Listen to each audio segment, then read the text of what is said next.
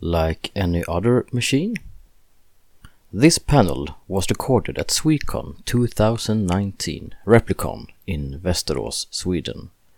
The participants are Charlie Jane Anders, Jenny Brisle, Matthias Kulkep, Alex Haridi, and it is moderated by Marcus Olausson.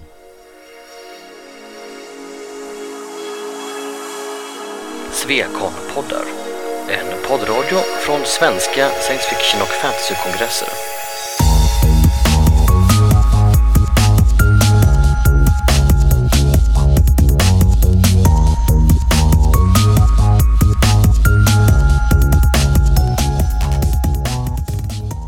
So, welcome to this panel.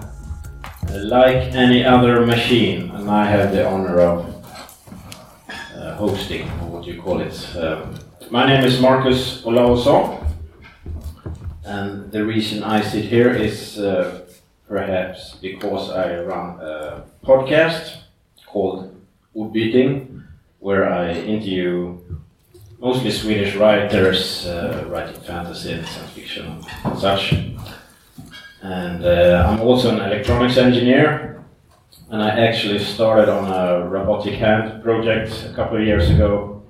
Uh, and I got stuck in the fun with 3D printing.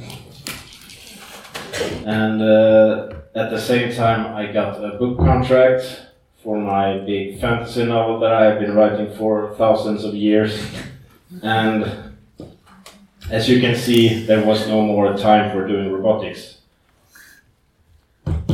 That's me, but I think you, my, uh, my uh, some guests here can do uh, their own presentation. So to the right of me, I have. Um, hi, my name is Alex, uh, Alex Rudy. I am a writer and uh, primarily I'm a screenwriter. Um, and I've written just about everything um, historical fiction, um, coming of age stories, uh, whatever I sort of move on I'm done with one project, I get bored and want to do something completely different. Um, but the reason I'm here, uh, I was one of the writers on the television series uh, Äkta Real Humans. Um, which, um, so we're going to talk a little bit more about that. and my name is Matthias Kulkep. Uh, I am author uh, in the field of fantasy, uh, mainly. Sometimes I do small tours into horror or sci-fi.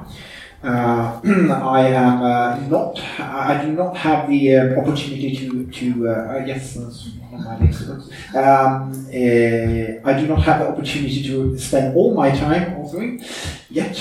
Um, so I actually uh, work as a, a, developer with interesting sort of science fiction close technology, eye tracking, and before that I, I I'm a uh, PhD in physics. I was doing fusion science, so I've always been curious on, on that as well. Yeah, I am Jenny Brisle. I'm not really an author, but I'm a huge fan of science fiction, robots, androids, replicants, artificial intelligences, and so on. And since I work with computers, I I see what can be good and what can be impossible, or just impossible as in annoying with uh, replicants.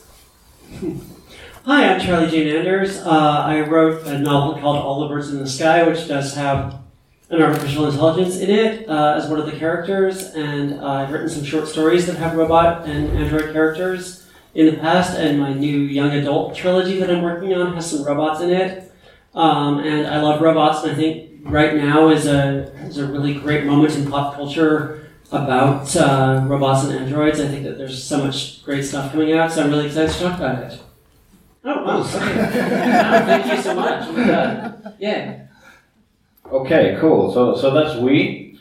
Um, I was going to start with a lame question. What is your favorite fictional artificial human and why? Charlie Jane? Uh, specifically artificial human?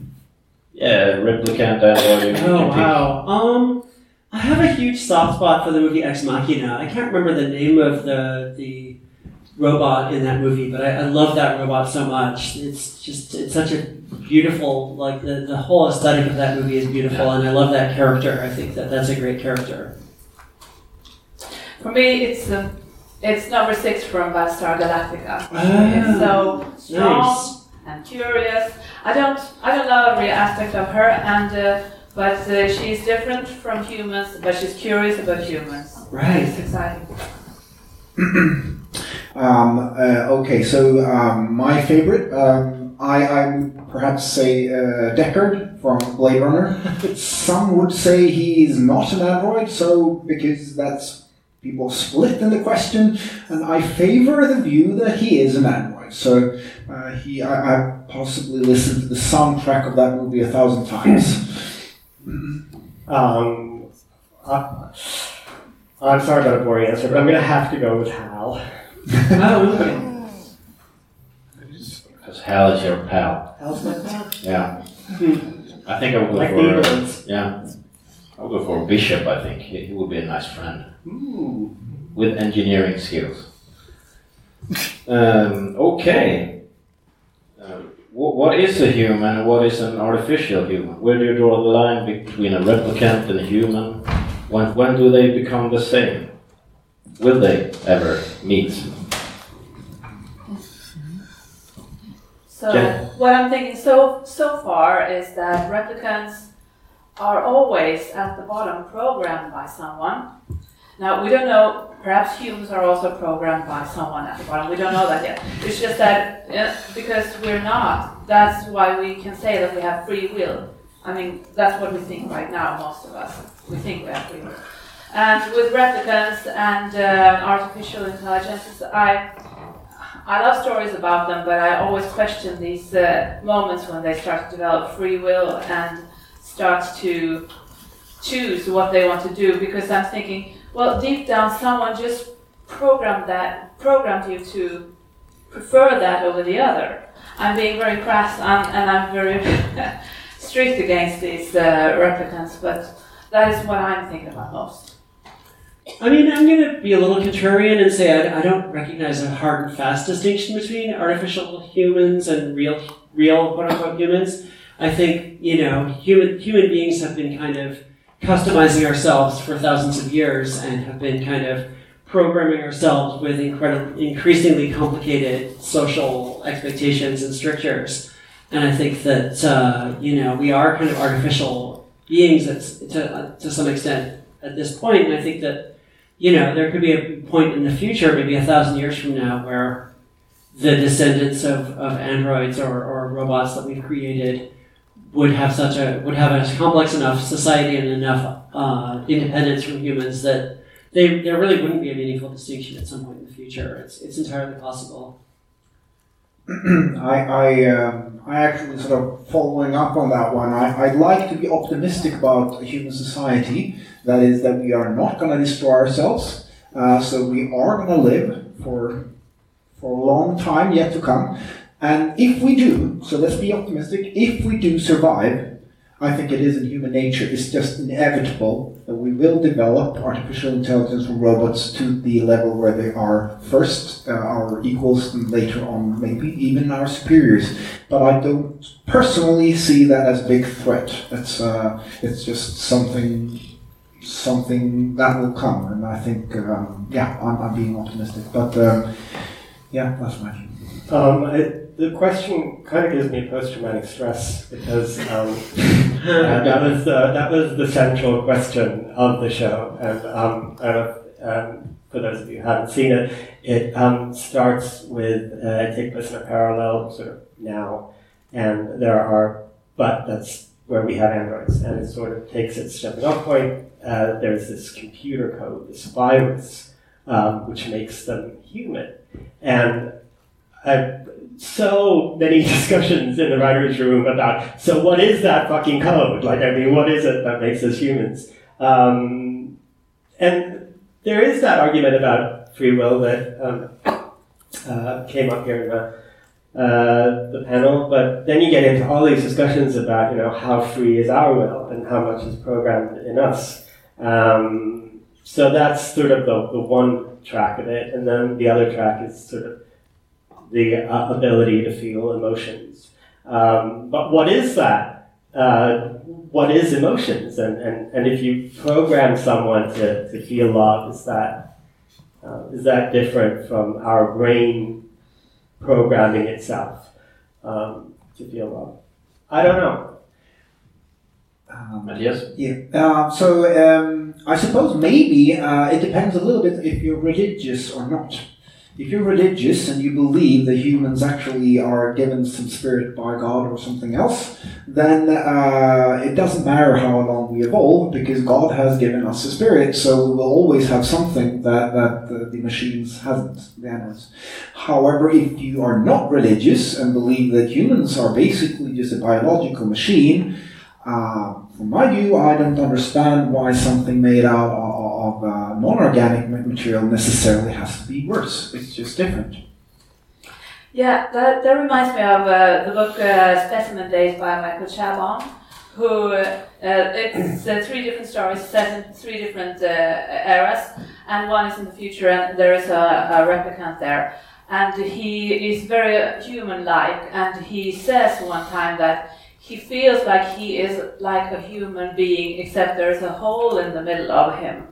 And I thought, at that time, I thought, well, that is how we all feel, all humans. right. Told my colleague, he said the same thing spontaneously. That's how we, isn't that human?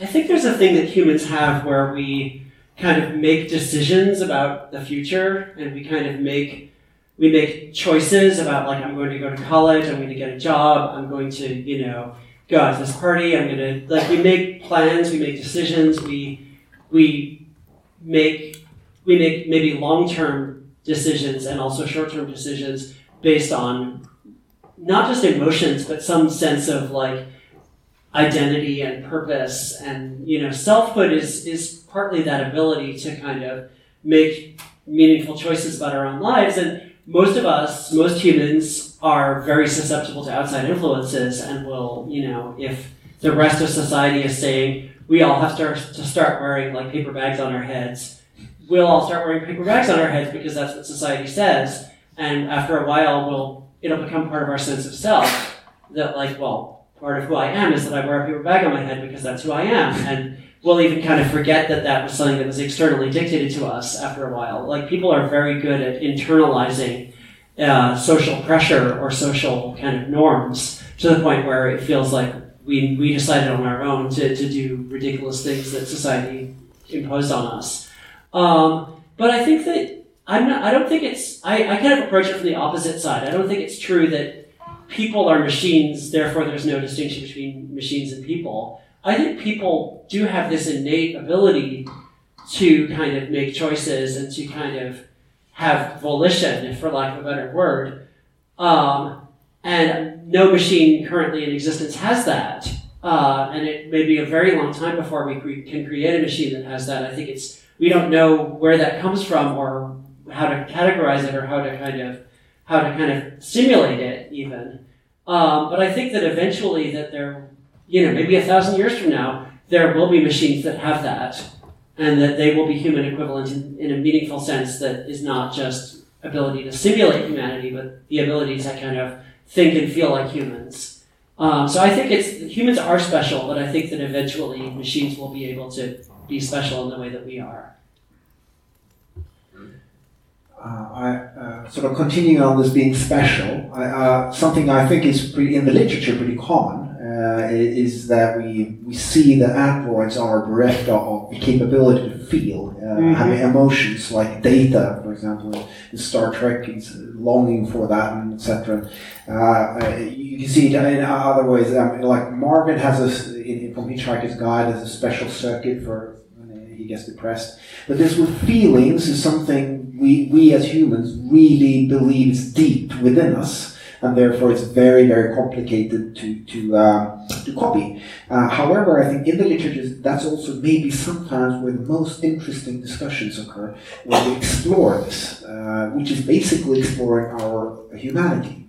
Right. Um, so, uh, and, and, and uh, for example, in you could say bringing up again Blade Runner or Androids Dream of Electric uh, Sheep, um, that that the the androids there they are they're scared, they're being hunted, uh, and, and they, they long for life in one way or another. Maybe they. Uh, I've, actually seen this being um, being written somewhere else. I'm stealing it a little bit, but but in some aspects they are more human uh, with their emotions than the ones hunting them, the humans.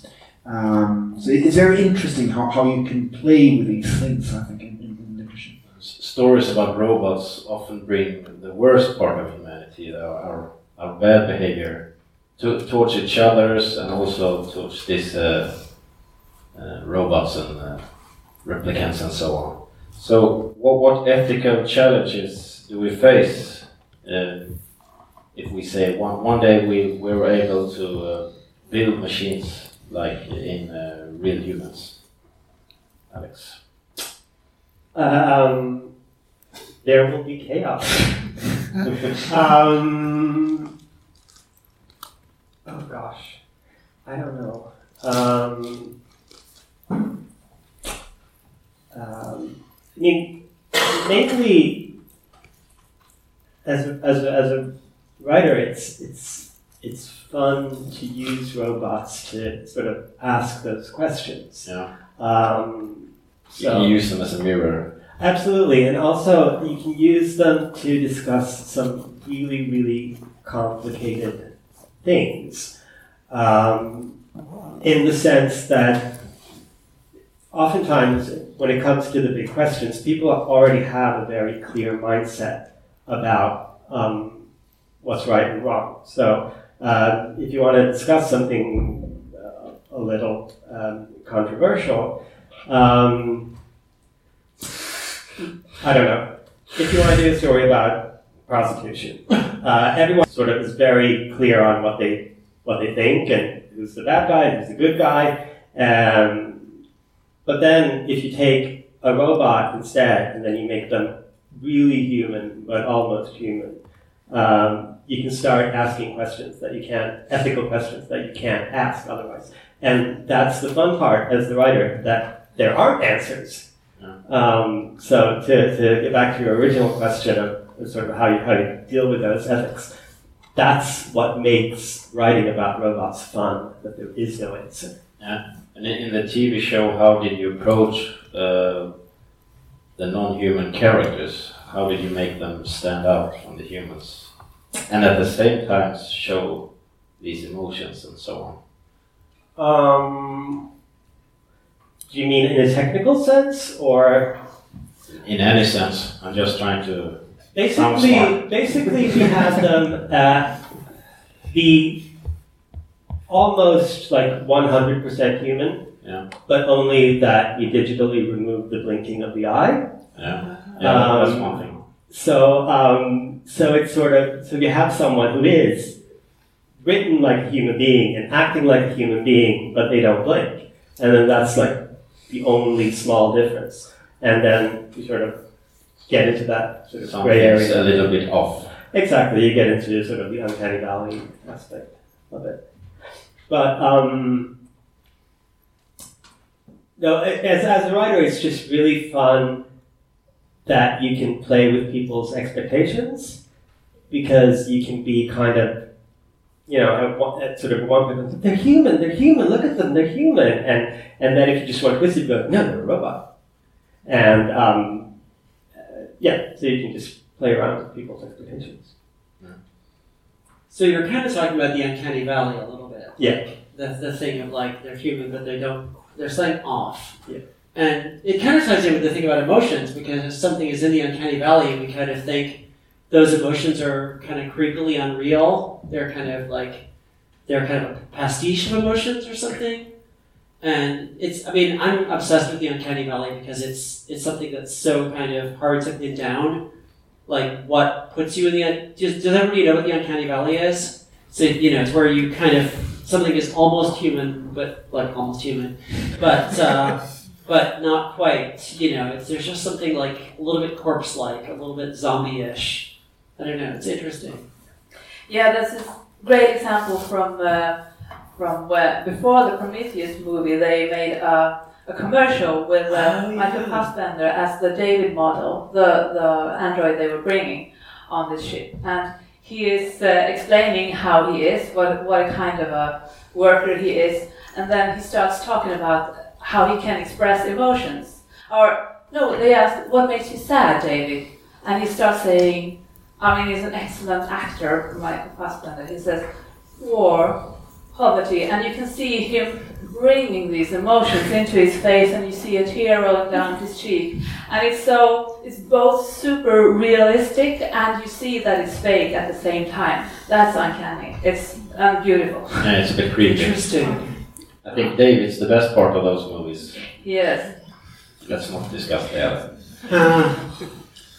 Uh, okay, um, Charlie Jane, you, you wrote in All the Birds in the Sky. You have this uh, artificial intelligence. Can you s- tell us something about that? Sure. Uh, so in All the Birds in the Sky, we have the AI Peregrine, and I, I don't know if you haven't read the book. This is gonna be a little bit spoilery, but not a lot.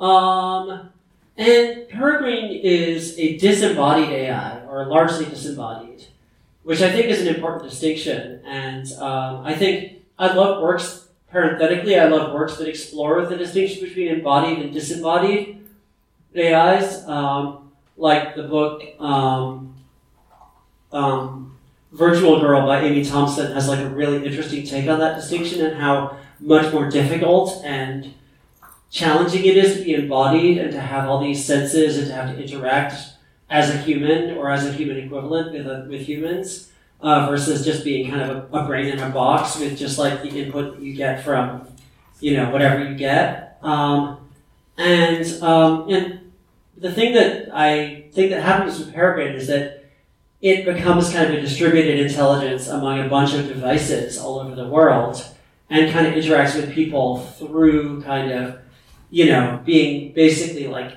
smartphones almost. And I, I kind of love that concept of an AI that kind of interacts with humans in this very intimate way, but in no way is trying to be human or trying to like appear human or or even manifest human behavior. It, Peregrine never stops being kind of alien and different. And I love that kind of thing. I mean, I was a huge fan of Person of Interest, which is also a disembodied AI that's kind of everywhere. And I love that type of AI. I feel like that's the type of AI that I always want to see more of. Yes. so first of all, I, I gotta say I, I, I absolutely adored the book, uh, All the Birds in the Sky, and I do actually believe that what you bring up is one of the things. There are many things that I like about the book, but that, that's actually one of the things because it's to me not that common in literature, uh, sci-fi literature, to have actually sort of a positive view on AI. You can find so many examples, like Terminator style machines killing all of humans, you know, sort of uh, that that type is, very very. Uh, I don't know. Maybe we're, in, we're, we're it's easy to capture in, in, in the all these dark moods, uh, and, and that was a positive one. It was a, a vision of the future where AI humans could sort of coexist and benefit from each other in some way, and I I, I, I love that.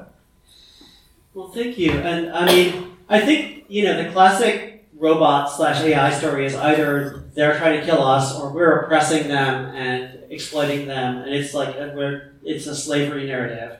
It's like usually one or the other. But I feel like the last, you know, few years, we've really seen a, a, a, a boom in really interesting AI stories like Person of Interest, like Ex Machina, like Westworld, like Autonomous, Annalee Newitz's novel. Um, like a, there's been a bunch of them, and, and like like Atamanskor, I'm probably mispronouncing it, but uh, um, I'm sorry, I butchered that, I'm sure. But anyway, um, which I love the original version. It's awesome. Um, I think it's really interesting. Like I think that we're we're kind of identifying with AIs more, and uh, we're seeing them less as just like either a threat or a subaltern kind of slave thing that we have to reckon with our abuse of, and more just like I mean, more kind of, it, I guess, you know, you have sympathetic AIs going back to like Data and R2D2 and C3PO, and there's like a handful throughout science fiction. Uh, and often they're kind of cute, and they, if there's the Pinocchio narrative that we see a lot in AI stories, going back to Data and a bunch of other, like, I want to be human, I want to be a real boy, uh, kind of stuff. But I think that we, we're actually in a golden age of like great AI storytelling right now. Yeah.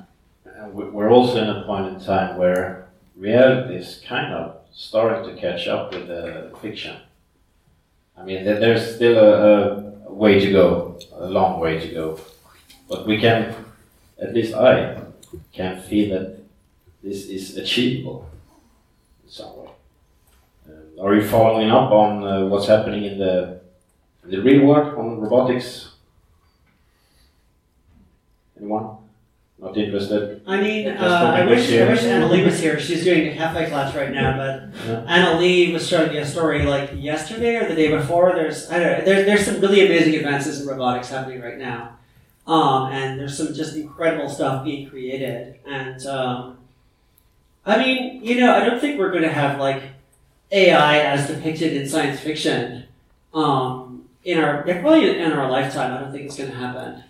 Um, I think that you know I was I was on a panel in at a convention in, in Wisconsin with Annalee Newitz and also with Ted Chiang and Ted was basically kind of saying that media science fiction movies TV books gives people give people a really skewed impression of what AI is and like in the computer science field AI is basically just like applied statistics it's Yeah. like the ability to apply statistics in a meaningful way and so that's what we call AI, but it's not, you know, data or, you know, or C3PO or whatever. It's, it's something much more kind of, it's something much less human and much more kind of, you know, stochastic, I guess. They're browsing databases. Yeah.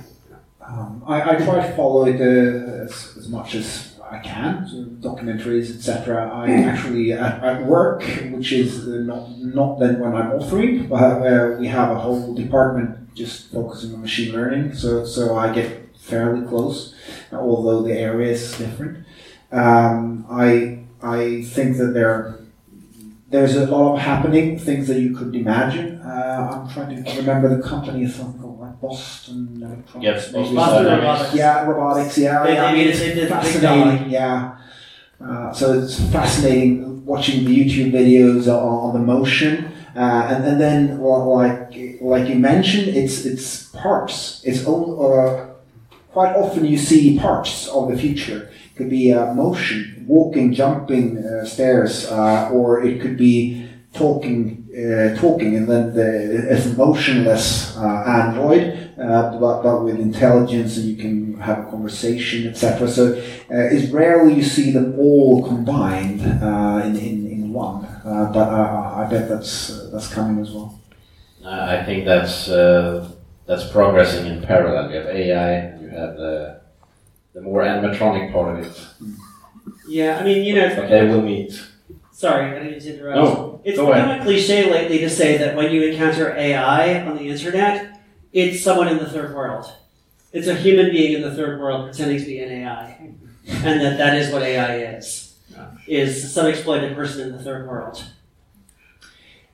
I was at a seminar um, it was a few years back where, where the uh, presenter he, he had a, he, he, it wasn't a very serious seminar but he had the thesis that AI that's what's always one step in the future Uh, because it's It's like always 20 years away. yeah, yeah, it's always 20 years ahead. So at, at some point, like, it was maybe very difficult to see that, that, that someone would be the human in chess. Uh, and then someone did, a computer. And then it was like, yeah, but that's, that's sort of easy. It's just logic. And no, go, go, go, go. Uh, the Chi- Chinese. That's more difficult. You've gotta have intuition. That's gonna be impossible. And then a few years later, here we are. Ah, but that's not really AI. And then it's like, well, controlling and then the, it's uh, we got a flight pilots that's super You've got to be intense and there's a lot of impressions and then you have computers governing how to land on the moon and it's like well so it's always that's not AI it's always always 5 10 20 years in the future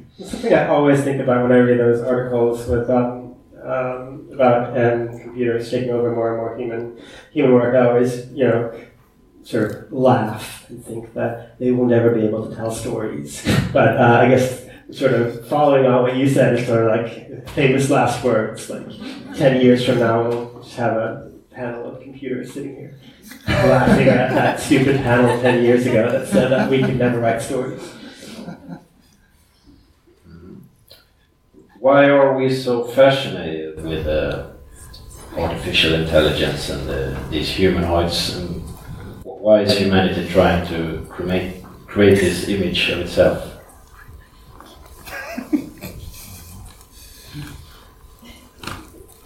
Jenny? well, why not? It's super exciting. I mean, um, for, selfish reasons, I want uh, a copy of myself so I could do all the boring things I don't want to do. Um, but um, yes, in general, to have uh, robots doing dangerous and boring tasks and uh, leaving the fun part for us, which is then again becoming something frightening. What if robots take all our jobs? Which they probably won't, but uh, still. Well, these things, And, and if they also want to do the fun parts. yeah, but also pushing technological boundaries. How much can we do? What can we do to like, uh, mimic a human being? Just pushing technology. That's all. That's actually a, a comic strip, Calvin Hobbes, where Calvin builds this uh, cloning device. It's, it's Yeah. a cardboard box, and he steps into it to, to clone himself to do the homework. And the clone comes up. I don't want to do homework. And so he makes another clone, and then there's hundreds of clones, and nobody wants to do the homework. I think uh, on on this uh, why in the shape of us, uh, I think um, uh, in, in Caves of Steel by Asimov, he actually reflects on this, and, and basically there, I, th- I think he's got some point to it that it, it's it's uh, convenience as well. We are humans. All of our society is, is built for us. We got stairs here, got seating places, etc. So if we were to build something that couldn't handle stairs, well, it would be inconvenient. So, since everything is built for us, building machines in the shape of us makes them fit. Um, Uh, I, I also have to just add into this because uh, my, my dad is a professor of computer science at uh, the Royal Institute of Technology, so I'm uh, very close to people who um, uh, develop, develop things. Um, I have to say, you cannot discount the God complex either. um, sometimes people just want to create stuff because they think because it's almost impossible and they want to just sort of take that aspect of God and replicate it. I mean, it's a way to become God. Exactly. Yeah, I mean, I don't, I, I whatever. I don't care about God, but uh, I think that you know. Sorry. Uh, Oh no, I'm, I'm not religious. yeah, I, I think that um, I, I think it gets back to what we were talking about before about emotions and about how humans are programmed and what makes us human what makes us who we are. And I think that you know writing stories about AIs and kind of imagining AIs and trying to create AIs um, is a way to kind of another way to think about humanity and what makes humans special and what makes us different from you know other creatures and uh, think, other you know machines or whatever. Um, and I think that that's part of the fascination is that we really want to understand ourselves, and the way, only way to understand ourselves is to kind of create a, a mirror that we can look at. And so that's why we're fascinated by human looking or human acting or human equivalent machines. And you know, I'm, I'm just going to repeat what I said before, which is I don't think we're going to have that in our lifetime. I think that it's going to be an imaginary thing, probably for the next 50 to 100 years. But it's going to be a metaphor that's going to continue to be incredibly powerful as a metaphor. Um, do you have any examples of uh, literature where uh, there's a positive view on uh, the non-humans, where they use it to, to kind of evolve society? Well, uh, regarding AIs, and uh, there are these uh, books by um, what's his name? Uh, Counting Heads is the first book. Um, Oh, David Marusek. Yeah, the, yes. The, Oh, wow. It's amazing because it takes all of the technologies possible. Like AI is a personal AI assistant that is uh, your friend. It's not a copy of you. It's supposed to be a sounding board for you. And uh, everyone has one, and they evolve with you because they are evolving through interaction. Then you have uh, copies of yourself that can do things. They can sometimes sign uh, contracts for you and so on because you have given them the authority to do this.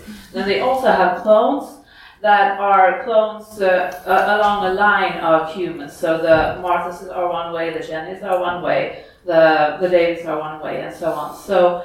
Um, and this is accepted. It's not without problems, but it's uh, how society runs, and uh, it's uh, fully integrated in every interaction. So it's so interesting that you have so many levels of uh, replicants, uh, like uh, mental replicants, as in the AIs and so on, and also bodily replicants that are still sort of they are autonomous in their own way, but they are they know they are clones. So. And, and I've thought about ro- robots don't need gender, and uh, the more androids we, we get and so on, they won't need gender. Mhm. How, how would that affect humankind and society? Yeah, I mean, I think the Murderbot Diaries deals with that a lot, and Murderbot's pronoun is it, I think, and uh, actually Peregrine's pronoun is it as well. Um, um, I think, yeah, I mean, I think we, uh, Annalee kind of deals with this in her novel Autonomous, the idea that gender is basically a, a UI thing. It's a way of interfacing with humans because we expect it, so robots and AIs will have a gender for the convenience of humans but it's not meaningful to them personally, which I think is probably pretty right on. Um, yeah, sorry. No, no. Uh, I, I, I think uh, yes, uh, gender does not seem to make sense for for uh, for robots uh, as such or androids. Uh, however, I, I believe that diversity uh, amongst androids uh, could be important. Uh, if we imagine having three billion androids in the future and they're all the same.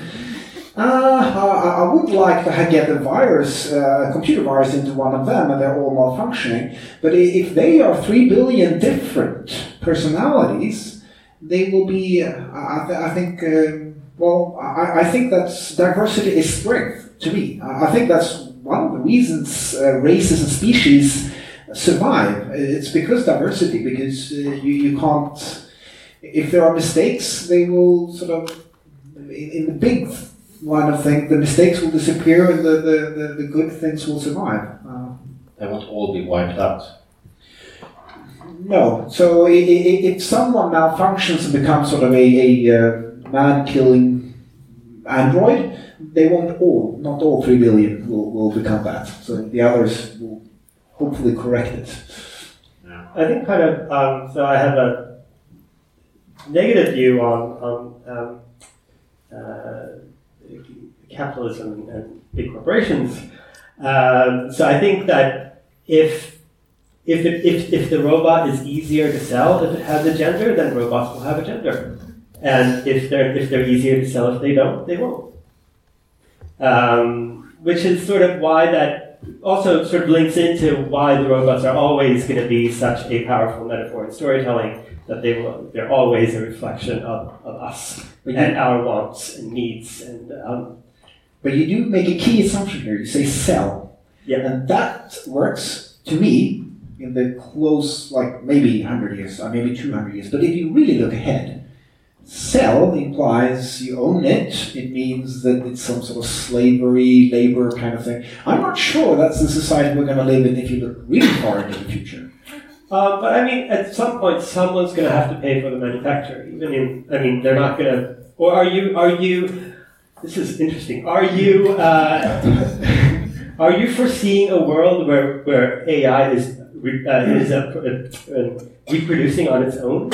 So, have you all read uh, Rudy Rucker's Ware books? No. Uh, software, wetware, I, I don't know. They're they're they came out in the eighties and nineties, I think, and they're very weird. They're very kind of like strange and gonzo and kind of beat poetry ish. And basically, the the plot is that robots um, kind of split off from humans and form their own society on the moon where they can just be left alone. And they do replicate themselves endlessly, but then they end up having basically uh, a class structure based on how much resources the robot, each robot has access to, because they need energy to keep going, they need raw materials to build more, to expand their own parts, and so the different robots kind of compete for resources uh, amongst themselves, and then it gets weirder and weirder because there's like a whole thing where like they become kind of bio robots, they become moldy bots where they're they're using mold as a kind of synthetic intelligence, and it gets super super weird. Um, but uh, and they're also turning humans into robots using an ice cream truck. It's a weird series, but it does have this whole thing of robots basically being like, "Well, screw you humans, we're gonna go live on the moon and just have our own society, and we're just gonna you know make it work on our own." Um, and I think that it's really interesting the way that plays out because they just they just see humans as irrelevant for the most part, except for a few who they want to turn into robots using screw truck. I mean, there's a, also, I mean, that aspect that which we haven't talked about, um, which is like human human robot hybrids. Right. So, Cyborgs. sort of, I mean, with sort of advances in technology, will we reach a point where we just start replacing parts of ourselves uh, and finally become this sort of weird hybrid race of half I machine? actually saw a 3D printed lung not so long ago, so Yeah. Did it work? in the laboratory. Do we want to? We're already hybrid uh, cyborgs to some level today. It's Exactly. So where does where's that tipping point where you're sort of fifty-one percent animatronics and, and, and then you're w- we're soon about to end here, so maybe we should open up for uh, questions from the audience. I think we have a mic for that, so I'm going to repeat your question. You have one? Okay, good. Okay. Uh, the person with the green hat had their hand up. Yeah. Um, you mentioned uh, that robots, like who would pay for their like if, if you couldn't sell robots, then why would you make them? You would make money, but I mean, people have kids. Kids are expensive. I think eventually society would kind of adjust, like get like oh well, you made a robot, so you can have some money for that. You know, I don't know something. Well, I think what I meant with that was just that, I mean, the, uh, manu- there is a cost to manufacturing. Um, there is not a, uh, there's not an actual cost to uh, reproducing a human child when, when you're doing it, but um, They're expensive later. they're expensive later. Um, Very. I mean, there are actual materials that cost in a robot. Um, but yeah, no. I mean, I do think one reason why we'll have robots and you know artificial beings is just for companionship and friendship. Um, actually, I want to shout out a movie that I had I hadn't thought about in ages, but it's an amazing. Who's seen the movie Robot and Frank? Oh my god, it's Is so that the uh, Alzheimer guy? Yeah, he has. It's an older gentleman with dementia, played I think by Frank Langella. I can't remember. Yeah. And he he has dementia. He's a former bank robber, and um, his children get him a robot companion because he can't be on his own anymore. And he convinces the robot companion to help him rob banks. Now, it's an amazing movie. It's like one of my favorite movies of the past ten years, and y'all should watch it. It's incredible. Yeah, front row. Uh, I tried uh, watching Almost Human, uh, but the thing that put me off was that, you know, with the human hyper advanced robots, where where were all the other robots? You know, the utili- those of utilitarian shape and stuff. You know, because that's something I would think is even more interesting if you have an anthropomorphic robot that's uh, do not have a human but rather a utilitarian body, but the mind is still an anthropomorphic one. Um, yeah, I'm, I'm sorry, I don't really understand your question.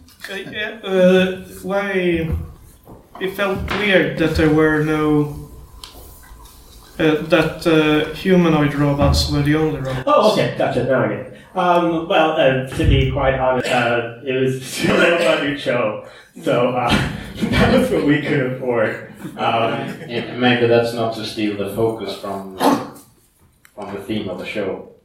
Perhaps yeah, I mean, the, trying to save you here.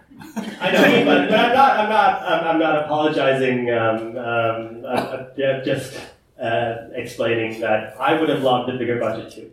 We have the- have a stop sign Charlie. I, I, I just a final thought about that. I feel like any story benefits from having a tight focus, and the more you just are like, but what if that this and this and this and this and this and this? You don't have a story anymore. You have just a world, but the story kind of requires a tight focus. So I mean, that's what I love about that show is that it had a specific thing that it was doing, and I think that you always have to exclude stuff in order to have a, a coherent story.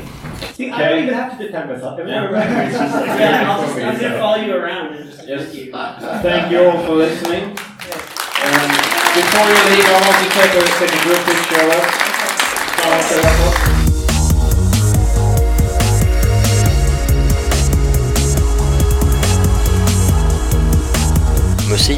Av Psychedelic Pedestrian från Free Music Archive.